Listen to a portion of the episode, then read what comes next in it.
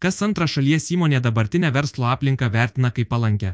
Tačiau įmonės į plėtros planus žvelgėtina atidžiai ir atsargiai vertina galimybę skolintis lėšų apivartiniam kapitalui ar investicijoms per artimiausius 12 mėnesių. Atsargius įmonių ateities lūkesčius labiausiai lemia ekonominis neapibrieštumas. Tokias tendencijas atskleidė Svetbankų sakymų šį rugsėjį atlikta Baltijos šalių įmonių apklausa, kurioje daugiau kaip 300 įmonių atstovų kiekvienoje šalyje įvertino dabartinę verslo aplinką, iššūkius ir ateities perspektyvas. Vis dėlto, mūsų banko patirtis ir verslo finansavimo portfelio apimtys rodo, kad net jeigu bendrovių ateities lūkesčiai yra atsargus, jos tęsia ir aktyviai gyvendina atsinaujinančių energetikos išteklių projektus. Kiti sektoriai taip pat išlaiko finansavimosi apetitą. Didžiausia paklausa finansavimui stebima tarp energetikos ir infrastruktūros bei gamybos rytise veikiančių įmonių, ypač finansuojant jų įgyvendinamus atsinaujinančios energetikos projektus. Finansavimosi poreikis taip pat išlieka žemės ūkio, gamybos, transporto ir komercinio nekilnojamojo turto sektoriuose, pagreitį įgavę į projektai. Nuo 2023 metų pradžios šalies įmonėms suteikėme apie 1,1 milijardą eurų finansavimo. Palyginti su ankstesniais metais, finansavimo poreikis tarp verslo išlieka stabilus. Įmonės įgyvendina anksčiau suplanuotas investicijas ar imasi naujų projektų. Itin svarbę vietą mūsų portfelyje šiuo metu užima atsinaujinančios energetikos išteklių į projektų finansavimas. Per šiuos metus maždaug trečdalis viso naujai suteikto Svetbank finansavimo teko į projektams, kuriuos įgyvendina energetikos ir infrastruktūros bendrovės bei kitos pramonės įmonės. Skaičiuojame, kad bendra ir dekarbonizacijos projektų finansavimo suma šįmet jau sudaro apie 400 milijonų eurų.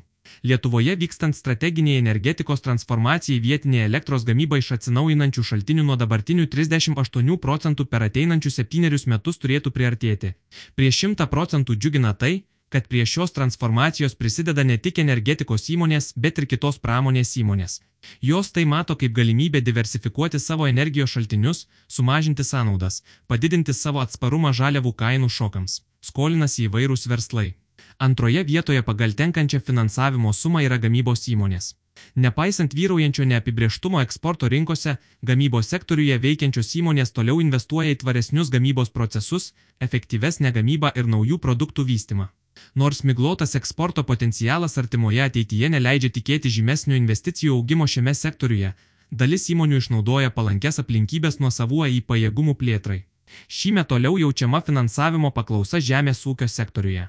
Jame veikiančios bendrovės dėl žaliavų kainų sviravimų tarptautinėse rinkose skolinasi apivartinio kapitalo poreikiams, taip pat investuoja į našesnę žemės ūkio techniką. Logistikos ir kitose srityse veikiančios įmonės toliau atnaujina valdomus transporto parkus.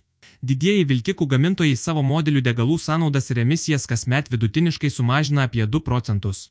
Todėl reguliarios investicijos į naują transportą logistikos įmonėms leidžia palaikyti savo konkurencingumą, mažinti vidutinės veiklos emisijas. Finansavimo paklausos sumažėjimas stebimas visuose nekilnojamojo turto NT sektoriuose, įskaitant gyvenamąją statybą, biurų, prekybos, gamybos ir sandėliavimo patalpas. Šįmet mažiau investuojama į naujų objektų statybas ar įsigijimą, bet finansavimo paklausa išlieka valdomų komercinių NT objektų atnaujinimui ar turimoms NT investicijoms refinansuoti. Po pastaruosius trejus metus vyravusios sparčios plėtros NT rinkoje šiuo metu įsivyravo ramesni laikai. O finansavimo lygis grįžo į 2017 metus palūkanoms pasiekus piką ir kitą met pasukus mažėjimo trajektoriją, pamatysime vėl grįžtantį aktyvumą į NT sektorių. Pozityvumo ženklai ekonominio neapibrieštumo fone. Pradžioje minėta įmonių apklausa taip pat parodė, kad didesnioji dalis įmonių savo augimo galimybę šiuo metu sieja su esamų produktų ir paslaugų tobulinimu ar naujų produktų įvedimu.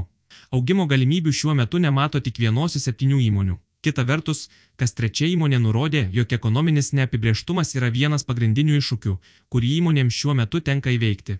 Tiesa, AI projektai bus tas rytis, kurioje artimiausius keliarius metus turėtume stebėti tikrą plėtros bumą.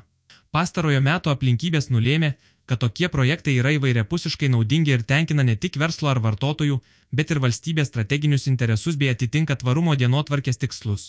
Šiuo atžvilgiu tai yra gana unikali situacija ir ją turėtume išnaudoti, kad visi galėtume gyventi geresnėme rytojuje.